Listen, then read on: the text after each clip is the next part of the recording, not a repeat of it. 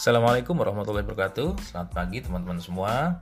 Kembali lagi di podcast saya bicara profesi dan skill. Alhamdulillah hari ini sudah hadir di podcast kita teman baik saya, Mas Khairul Saleh. Beliau adalah koordinator UMKM Depok. Assalamualaikum, Mas Bro. Waalaikumsalam. Gimana Mas Firlian? Iya, apa kabar nih Mas? Alhamdulillah, luar biasa nih jarang-jarang dihubungi orang Jawa Timur nih ya. iya. Sebelum kita lanjut, mohon ini, mohon izin perkenalan diri, Mas Bro. Oke, uh, nama Hairul Saleh, saya tinggal di Sawangan, Kota Depok, Jawa Barat. Aktivitas ini kalau sehari-hari PNS ya ASN di Kemenq, kemudian uh, punya bisnis online juga, dengan lima karyawan, alhamdulillah sekaligus membantu UMKM di Depok dan satu lagi mengelola Yayasan Sahabat Quran. Itu aja kali ya, singkat aja ya. Siap siap. Ini kita sambung ngobrol-ngobrol, ulik-ulik lagi nih. Nih eh, saya termasuk pengamat atau penggemar eh, sosmednya Mas Bro nih. Ini mengenai UMKM nih yang dikoordinir atau di apa namanya? Ayomi di Depok. Apa aja nih Mas? Ya di Depok ini kan sebenarnya mulai membantu UMKM atau membina lah yang mungkin bahasanya. 2017 itu waktu itu dari dinas UMKM itu minta saya untuk mengajar digital marketing. Hmm. di uh, untuk UMKM yang baru mulai usaha. Jadi setiap tahun itu ya digital marketing marketing hmm. online lah ya. 2017 hmm. itu eh, mereka mulai mengadakan namanya program wirausaha baru Kota Depok. Nah, saya diminta untuk mengajar materi digital marketing 2017, 18, 19. Setiap angkatan ada sekitar 700 orang. Nah, dari situ hmm. mulai tuh saya ketemu dengan banyak UMKM dan ternyata mereka eh, apa namanya terhambat dengan marketing dan beragam ya kalau ditanya jenisnya apa saja ya dari kuliner yang paling banyak di Depok ini, yang kedua fashion, yang ketiga craft. Hmm. craft itu kerajinan ya? Iya kerajinan. Yang kayak bikin apa ya? Uh, rajutan gitu ya. Rajut-rajut gitu. Hmm. jadi itu awalnya diminta oleh uh, dinas UMKM Depok. Hmm, Oh, oke. Okay.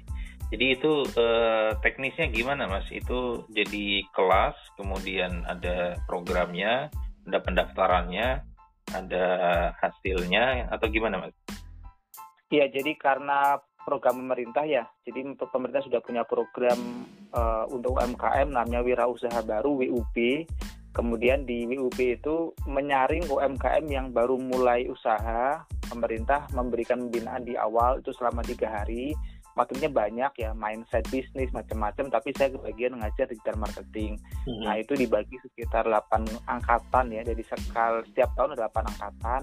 Nah saya masuk setiap angkatan saya ngajar sekitar dua jam untuk mengajar materi digital marketing. Cuman kan itu dua jam pengantarnya doang ya hanya pengantarnya saja kan kulit. Nah setelah itu karena saya tertarik untuk membantu mereka saya bikin kelas-kelas online eh kelas offline di luar eh, kegiatan BUB tadi. Jadi mereka hmm. selama setahun saya dampingi di kelas-kelas offline saya secara gratis. Nah dari situlah mulai ketemu banyak orang tuh di situ berawalnya. Hmm, jadi yang dibikin uh, kelas advance atau kelanjutan itu di luar programnya dinas pemerintah. Iya, di luar programnya kan dinas kan udah habis programnya hmm. dan nggak ada anggaran gitu kan. Cuman kalau mentok hanya di pengantar marketing online kan mereka nggak dapat apa-apa istilahnya. Bisa hmm. kita lanjutin ke teknis gitu. Hmm, asik banget ya kalau setiap daerah ada yang mengawal dan membina kayak gitu. Ini ada ada syarat-syarat khusus nggak mas untuk kalau misalkan ada orang yang pengen ikutan gitu biar bisnis UMKM-nya berkembang gitu? Kalau syarat sih nggak ada ya. Yang penting mau niat jualan aja gitu sih. Kadang kan orang sudah belajar tapi ternyata cuma pingin coba-coba pingin tahu ilmunya gitu doang. Pingin pingin tahu aja sih biasanya uh, nggak saya nggak dipraktekin nah biasanya saya syarat ya memang mau niat jualan memang mau niat untuk usaha ya kita ajarkan gitu. Hmm, jadi ada semacam kurikulumnya gitu kan misalkan uh, tahun ini uh, sila ada silabus lah ya atau kurikulum ya. Tahun ini ada berapa ada. pertemuan? Apa aja hmm. yang dibahas? Kapan aja gitu ya? Iya benar ada silabusnya mereka target yang harus dipelajari apa saja. Ya kayak mungkin kayak perkuliahan gitu ya. Cuman ini bentuknya klasikal apa namanya per pertemuan per pertemuan berapa materi itu aja sih. Nggak nggak selalu setiap pekan itu. Oh jadi uh, kolektif terus uh, teman-teman UMKM pada datang ke rumahnya Mas Bro Ya, jadi waktu itu saya sediain satu rumah, jadi kita pinjam rumah yayasan ya waktu itu. Jadi yayasan ada rumah wakaf nggak dipakai istilahnya buat tempat tinggal. Nah, kita saya sediain meja kursi sama infocus, nah mereka datang situ. Ya konsepnya tinggal, oh saya mau bikin kelas nih, mereka datang. Terus makanan minuman bawa sendiri ya, itu mereka ya datang bawa makan minuman sendiri. Jadi beratnya saya ngasih ilmu gratis orang kalian bawa makan minuman sendiri juga. Jadi kita nggak ada yang keluar biaya lah itu kan. Oh itu Akhirnya, semua mereka, itu semua gratis itu mas bro? Gratis semuanya gratis. Makanya saya bilang saya cuma nyediain ilmu sama tempat ya makan minuman. Akhirnya mereka pada makan minuman. Pokoknya ya saat itu ada yang masak tumpeng khusus gitu kan buat makan rame-rame itu jadi mereka saling berbagi akhirnya dari situ Oh asik banget ya, apalagi kalau di situ dapat jodoh. Sekalian ya. Iya. itu eh, apa yang membuat Mas Bro itu tergerak ke situ, apalagi gratis. Ini kan jarang-jarang tuh yang kayak gitu. Karena sih prinsipnya gini ya, uh, kita bantu orang lain, oh bantu kita gitu kan. Itu yang yang saya pegang. Jadi kalau saya semakin banyak membantu orang lain ya pasti usaha saya juga akan dipermudah oleh Allah gitu kan. Hmm. uh, lancar lah usaha saya juga. Jadi intinya ya itu saya uh, apa namanya kasih kasih sharing sharing sharing aja udah terus. Nggak mikir berapa materi yang saya dapat. Justru nanti ketika banyak yang merasakan manfaatnya efeknya ke visi saya pribadi juga itu udah langsung terjadi gitu. Itu yang saya rasakan sih. Makanya saya ketagihan terus tuh sharing-sharing gratis itu ketagihan akhirnya. Dan kebukti juga ya Mas Bro uh, ya alhamdulillah. merasakan bisnis uh, kurvanya naik lah. Selama kurang lebih lima tahun terakhir ini alhamdulillah naik. Hmm, alhamdulillah. Teman-teman juga pastinya naik ya karena udah ikut uh, kuliah gratis ini ya? Iya benar. Ya, Alhamdulillah banyak yang sekarang ibaratnya mereka sudah sukses ya. Dalam artian secara jumlah karyawan dari jumlah omset dari jumlah penjualan mereka rata-rata naik sih kecuali ya yang jarang-jarang hadir di kelas ya kalau saya lihat secara kasat mata secara umum kayak gitu oh jadi mereka juga sharing ya eh, perkembangannya gimana sekarang hasilnya gimana gitu ya Hmm, jadi saya kadang masih mantau kan masih grup-grup ya masih ada di antara mereka kan. Mm-hmm. Yang saya lihat gimana saya tanya kabarnya atau kadang juga sampai sekarang ada yang masih saya bantu pasarkan juga gitu kan. Yang setiap pekannya saya order. Karena saya juga bikin satu yayasan khusus untuk memasarkan kan. Mungkin pernah dengar ya namanya Rumah Marketer. Itu satu yayasan satu divisi yang saya bikin untuk memasarkan produk UMKM. Jadi kalau mereka pak saya nggak bisa hire orang untuk ngurusin penjualan ya udah kamu produksi aja kita pasarin gitu. Nah ini sudah ada. Hmm, jadi sekalian bantu tim marketingnya juga ya Iya, jadi mereka kan kalau UMKM kadang oh udah sibuk produksi pak, saya udah nggak sempet yang namanya posting di Facebook, di Instagram itu kan. Ya udah sini deh saya jualin. Ini uh, apa namanya sistem konsinyasi gitu kan. Kita buatin yayasan khusus sama tim desain macam-macam untuk memasarkan produk mereka. Under under rumah marketer itu? Iya rumah marketer. Oh jadi jalin jemalin gitu ya. Sharing ilmu kemudian kita kolaborasi macam-macam gitu ya. Mm benar pokoknya masalah di apa kita tuntasin lah gitu ya. Kita tuntaskan masalahnya selesai. Iya iya. Ini implementasi apa ya teori-teori ekonomi macam-macam yang bilang dunia ini bukan kompetisi tapi kolaborasi gitu-gitu. Tapi kan itu cuman di teori ini aplikasinya udah implementatif banget ini ya Oh, iya, saya baru dengar teorinya, Pak.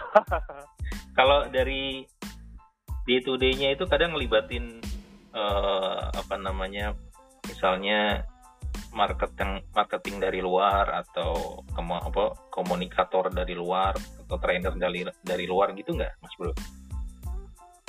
Marketing dari luar maksudnya gimana ya? Maksudnya rumah marketer ini uh, di training langsung oleh mas bro atau kadang-kadang undang orang luar gitu? Hmm. Iya, kadang undang orang luar juga. Kan kadang saya juga bikin sharing session ya kayak gini. Waktu itu undang uh, produsen cireng gitu kan. Sengaja saya minta untuk sharing. Nanti tim juga ikut mendengarkan kan. Jadi kali ada inputan buat teman-teman juga. Kadang ada kursus yang berbayar saya kirim tim saya ke sana untuk ikut. Hmm. Iya iya iya. Kalau saya kepikiran gini mas bro. Uh, apa namanya kadang nggak ya kalau di dalam kelas yang sama itu ada uh, produsen yang memproduksi barang yang sejenis gitu misalkan sama-sama cireng. Hmm. akhirnya kan yang satu pengen lebih unggul yang satu juga sama kayak gitu. Nah, kayak kadang-kadang hmm. uh, kejadian nggak kayak gitu? Terus gimana ininya strateginya? Pernah sih kejadian kayak gitu ya? Jadi mereka saling apa namanya uh, curhat ya biasanya pak itu jualannya kok sama sih gini-gini terus minder gitu kan nah biasanya saya yeah. kembalikan ke mindset awal mindset awal kita kan jualan itu membantu orang lain gitu kan jadi kalau hmm. memang kita sudah sama-sama memasarkan produk di sana lebih laku berarti bisa jadi kita melayani orang lainnya kurang jadi saya kembalikan ke mindset awal jadi jangan apa namanya berkompetisi di harga tapi saya selalu tekankan berkompetisi di pelayanan di servis oh. nah kalau mereka hmm. paham sih oh iya benar. Ya mereka mulai perbaiki servisnya. Tapi kalau mereka yang enggak ya biasanya dia apa namanya langsung down gitu kan. Wah saya nggak jadi jualan ini. Ah itu ada juga sih. Iya karena kalau katakanlah pemain baru ya kadang kadang-kadang kan langsung di main harga gitu ya. Uh, uh. biar merebut pasarnya macam-macam gitu. Uh. jadi konsep konsep dasarnya tadi apa mas? Kalau kita mau jualan kita jadi konsepnya itu uh, niatkan bantu orang lain gitu ya. Jadi misalnya hmm. oh jualan cireng jangan hanya produksi cireng tapi meniatkan bahwa kalau ada orang sedang lapar tawarin aja cireng barangkali bisa menyelesaikan laparnya gitu kan. Orang butuh cemilan tawarin cireng itu bisa membantu dia uh, ngemil-ngemil. Jadi intinya fokus uh, membantu orang lain jualan itu.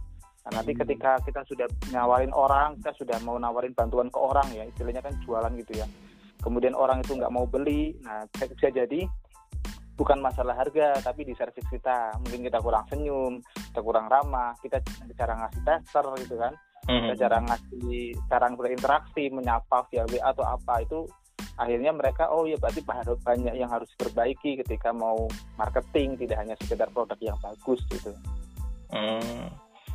oke okay. nih ada sisi spiritualnya juga ya konsep untuk jualan ini. Ya.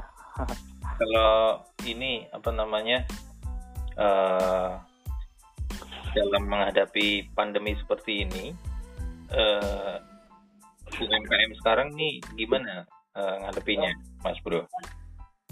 Ya, memang ini banyak juga yang dikeluhkan ya teman-teman UMKM itu. Banyak juga yang japri saya uh, terdampak lah kemudian penjualan turun dan seterusnya.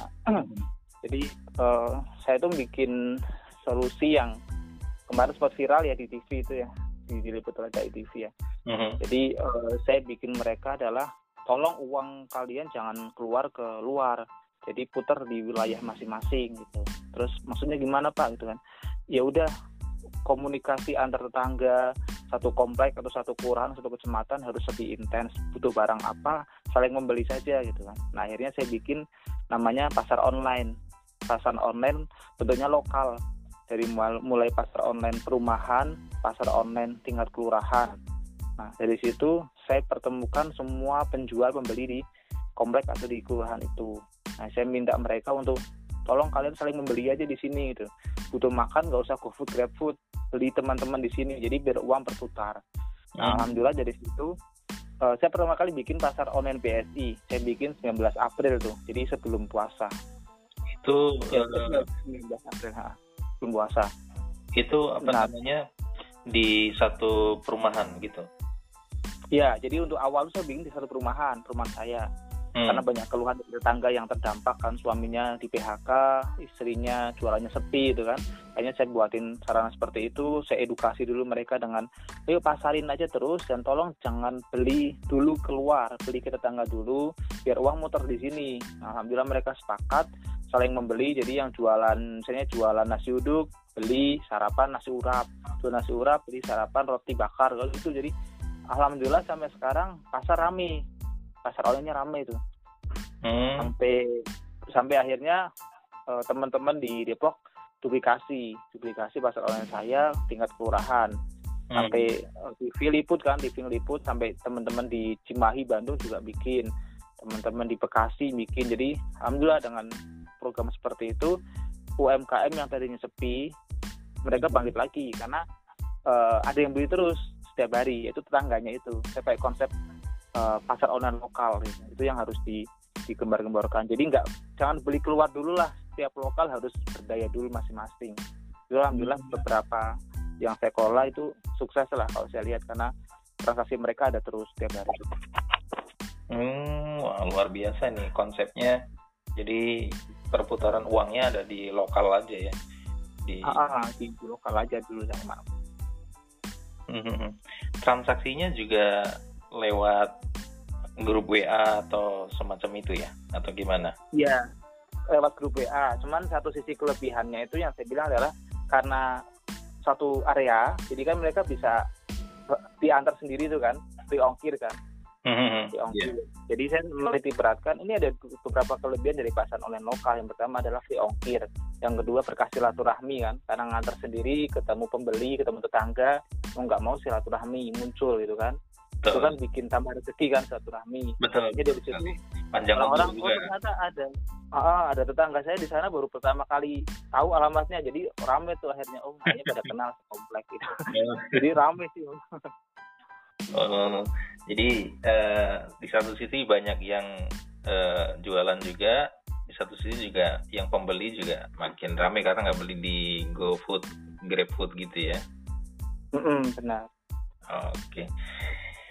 Kalau ini nih sebelum kita akhiri, ini kalau dari Mas Bro mungkin ada pesan buat teman-teman pendengar yang kebetulan juga punya usaha UMKM baik di luar Depok ataupun mungkin luar Jawa, mungkin ada saran-saran atau semangat dari Mas Bro? Oke, oh ya, hmm, kayak gini aja deh. Uh, buat teman-teman semuanya yang punya bisnis atau usaha atau UMKM di mana pun berada, dari sekarang mulai berpikir untuk membangun database ya database ini database pembeli kita database customer kita di jangan bahagia dengan penjualan yang tinggi di platform marketplace atau e-commerce atau ya semacam online GrabFood, GoFood dan seterusnya. Jangan bangga dan puas ya. Karena database-nya mereka miliki. Kalau suatu ketika mereka menjual produk yang sama kita sebagai UMKM bisa kalah karena modal kita terbatas.